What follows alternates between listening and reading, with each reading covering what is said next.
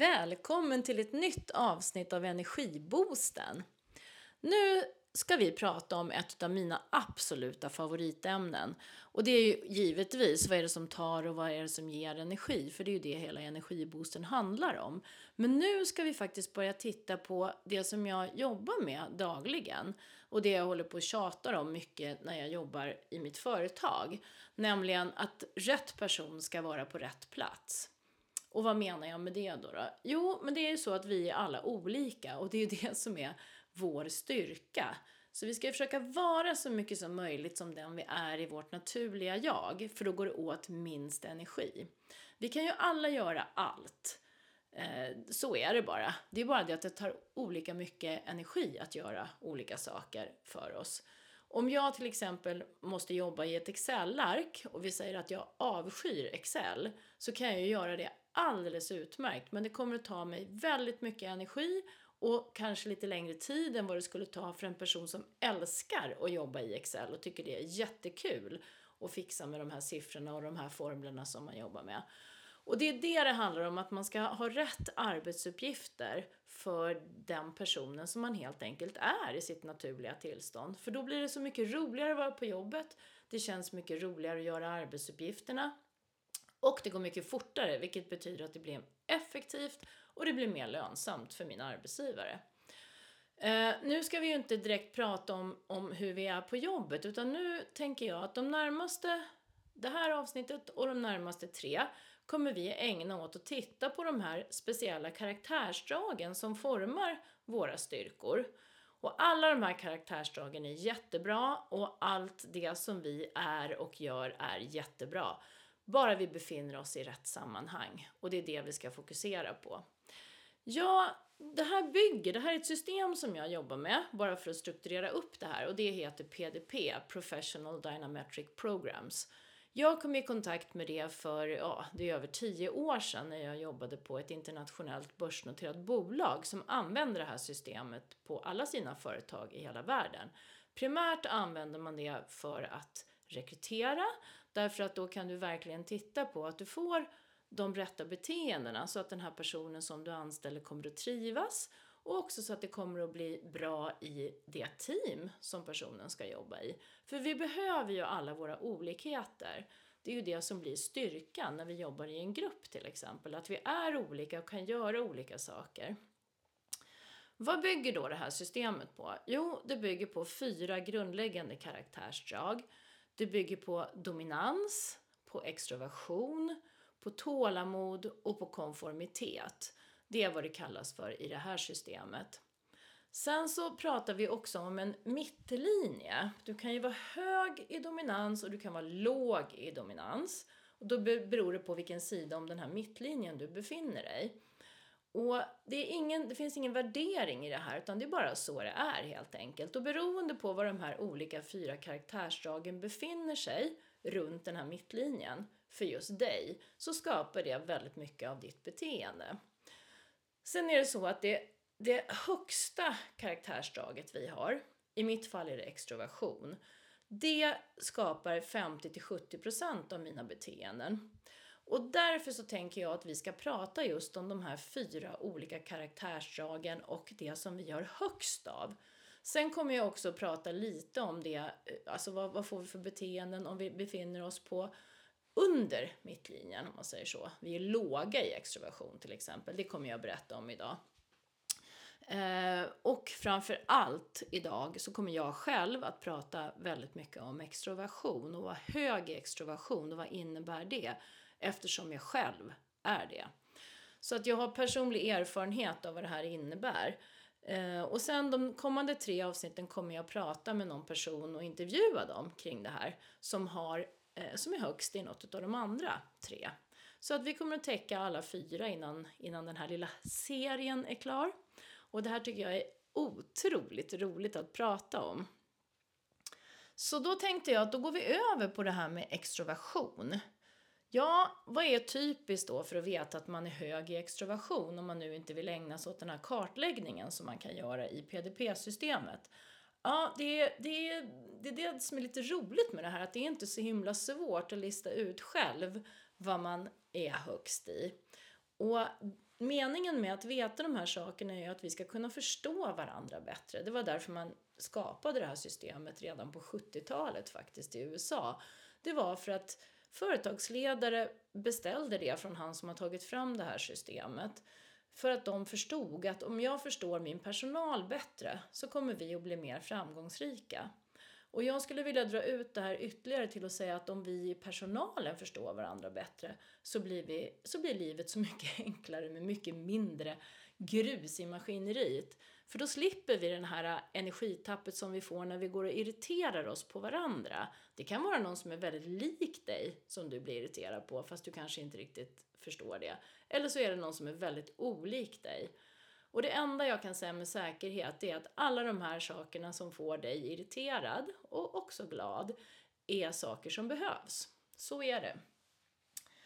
Och då kommer vi tillbaka till det typiska draget för om du är hög i extroversion. Det är att du, som jag, pratar medan du tänker. Så att eh, det blir lite som ett självspelande piano. För varje gång jag säger någonting så tycker jag själv, åh det där var ju lite klokt. Vad kan jag bygga på det? Så att jag tänker, pratar, tänker, pratar. Det kan liksom bli hur långt som helst egentligen, kan jag säga. Det kanske du redan märker. Eh, jag tycker om att prata. Vi som är höga i extroversion tycker att det är roligt att prata. Vi tycker att det är roligt att brainstorma med andra personer. Och vi bygger gärna nya idéer, för vi har mycket idéer. Vi tycker om att jobba i team. Det är det som ger oss mest energi, att vara tillsammans med andra människor och dela erfarenheter och tankar och ha, ha roligt tillsammans helt enkelt. Vi brukar ofta framstå som väldigt glada ehm, och vi, har, vi är väldigt optimistiska och eh, ja, men sprider eh, positiv energi omkring oss skulle jag säga. När vi, när vi är liksom i vår renaste form. Eh, andra saker som är typiska för oss det är att vi, eh, ja, vi har många ord. Vi förstärker ofta uttryck. Vi använder mycket. Det är jättemycket och det var fantastiskt bra och så otroligt roligt att vi ska göra det här. Ja, det kan, det kan ibland vara så att människor tycker att vi är för mycket. Så har du fått höra att du är för mycket så kan det vara så att du är hög i extroversion. Det tycker jag inte att vi kan vara, för att det är så att var och en tar den plats man behöver. Och är det folk som tycker att de vill säga saker så tycker jag att de får göra det, helt enkelt. Ta den platsen. Eh, är vi på ett jobb däremot, då är det ju viktigt att alla får komma till tals. Eh, och skulle vi då lite snabbt titta över på vad är det då som är utmärkande för om man är låg i extroversion? Är man en tyst eh, och ja, lite småsur person då? Nej, absolut inte. Vad som skiljer en som är hög i extroversion och en som är låg i extroversion eh, är att vi som är höga i extroversion, vi har väldigt stor tillit till andra människor. Vi är godtrogna. Eh, och är man låg i extroversion så är man lite mer avvaktande.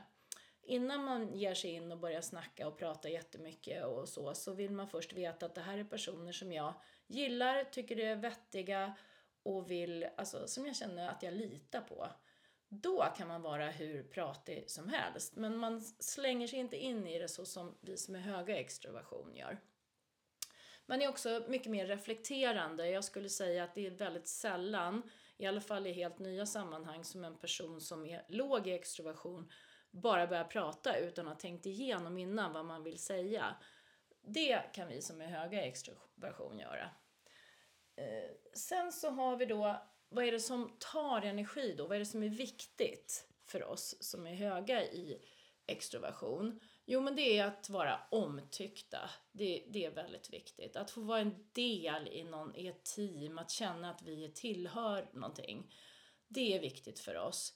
Så vi tappar vår energi ifall vi känner att ja, men folk lämnar, de bjuder inte in oss till lunchen, inte till AWn.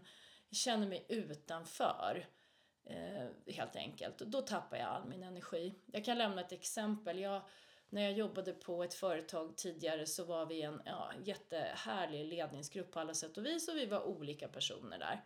Och jag är ju en sån som älskar att utvecklas, så jag läser mycket böcker, jag går på kurser, jag tycker det är kul att lära mig nya saker helt enkelt. Och jag vill gärna dela med mig av det också.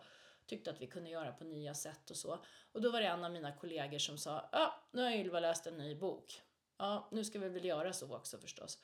Och den kommentaren, jag var väl lite stressad då också, men den kommentaren tog helt livet av all min, mitt engagemang och min glädje. När jag kom hem på kvällen så kände jag, nej, nu ska jag säga upp mig. Och naturligtvis så gjorde jag ju inte det, det där gick ju över. Men eh, det är vad som kan hända om man är hög extroversion och får såna här lite mera, vad ska vi säga, dödande kommentarer från andra. Där behöver vi lära oss och förstå att det är inte personligt menat utan det är deras styrkor som talar i det sammanhanget. Och det har vi lärt mig nu med åren. Men jag tänker att det kan vara roligt att få höra här så att vi kan, ja, du kan få, få dela den här erfarenheten av mig. Och kanske känner du igen dig eller inte, men ja, så var det i alla fall. Um, sen så kan vi titta på ytterligare saker. Alltså brainstorma. Att få vara med och sitta och sätta nya idéer och tankar och påverka. Det är jätteviktigt för oss som är höga i extroversion. Så låt oss vara med och påverka och komma med idéer. Fråga oss om råd. Då blir vi så glada och får så mycket energi. Vad finns det mer man kan säga om oss då? Ja, ytterligare en sak som är typiskt för oss som är höga i extroversion, det är ju att vi skriver ganska ja, utförliga mejl. Och när vi, när vi ska berätta om någonting så säljer vi in saker. När vi försöker få med oss människor och göra saker så säljer vi in det. Vi är storytellers helt enkelt. Eh, och då kan det vara så att vissa andra karaktärsdrag tycker att vi kanske borde komma till poängen lite snabbare. Eh, du kanske har tänkt så nu när du har mig prata. till exempel. Då vet du att du inte är hög i extroversion i alla fall. Så det är en typisk sak. Jag vet en grej som jag också reagerade på när jag jobbade då med ett amerikanskt företag. Att de skriver ju Ylva, komma och sen så någonting i mejlet. Och det där gick jag igång på jättemycket och, och tyckte liksom att om du har så bråttom och ska skriva så kort så behöver du inte skriva vad jag heter, för det vet jag redan. Skriv hej bara i så fall. Så det tyckte mina kollegor där var lite roligt att jag var så, att jag gick igång på att de bara skrev Ylva och så gör liksom. Det är lite mera typ en, en som är hög i dominans kan jag säga. Men det kommer vi att prata om vid ett annat tillfälle. Så Ja, och vad som, vad som tar min energi då mer, ja men det är ju när jag inte får jobba tillsammans med andra människor, när jag får sitta själv. Så den här pandemin har ju tagit ganska hårt på, på oss som är höga i extroversion, för vi behöver ju den här närheten och utbytet av andra människor.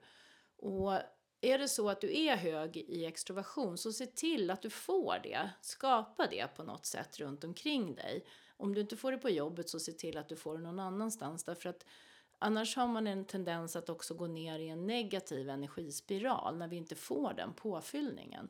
Därmed inte sagt att vi inte behöver vår egen tid, för det gör vi såklart. Men inte för mycket helt enkelt. Alltså har vi suttit hemma en hel dag själva så vill vi gärna ha någon att prata med sen. Så är det bara. Så det här var väl egentligen det som jag tänker att jag vill ha sagt om, om oss som är höga i extroversion. Då vet du lite mer vad det är för människor du har runt omkring dig och hur du ska kunna hålla dem på gott humör om de är höga i extroversion. Snart så kommer det komma ett nytt avsnitt och då är det en annan styrka som vi kommer att gå in på. Antingen hög i dominans, hög i tålamod eller hög i konformitet. Och så får ni höra lite om hur det är när man är på, på den undre sidan.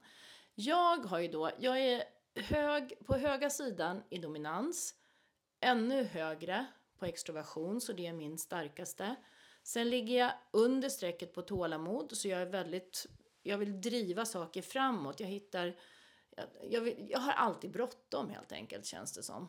Jag har ingen anledning egentligen, men jag har den känslan i min kropp kan man säga.